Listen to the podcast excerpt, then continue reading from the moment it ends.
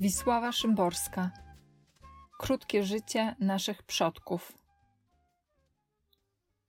Niewielu dożywało lat trzydziestu. Starość to był przywilej kamieni i drzew. Dzieciństwo trwało tyle, co szczenięctwo wilków. Należało się śpieszyć, zdążyć życiem, nim słońce zajdzie, nim pierwszy śnieg spadnie. Trzynastoletnie rodzicielki dzieci, czteroletni tropiciele ptasich gniazd w sitowiu, dwudziestoletni przewodnicy łowów. Dopiero ich nie było, już ich nie ma. Końce nieskończoności zrastały się szybko.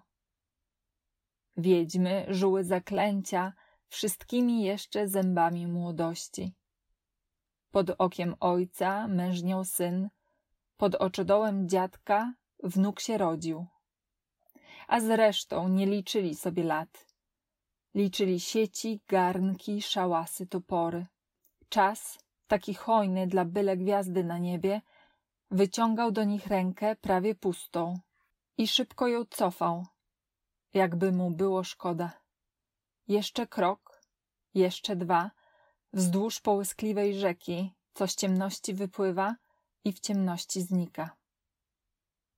Nie było ani chwili do stracenia, pytań do odłożenia i późnych objawień, o ile nie zostały zawczasu doznane.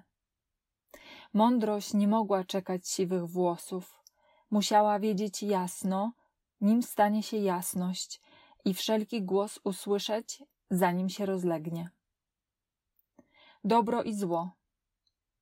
Wiedzieli o nim mało, ale wszystko. Kiedy zło triumfuje, dobro się utaja. Gdy dobro się objawia, zło czeka w ukryciu. Jedno i drugie nie do pokonania, ani do odsunięcia na bezpowrotną odległość. Dlatego jeśli radość, to z domieszką trwogi. Jeśli rozpacz, to nigdy bez cichej nadziei. Życie, choćby i długie, zawsze będzie krótkie. Zbyt krótkie, żeby do tego coś dodać.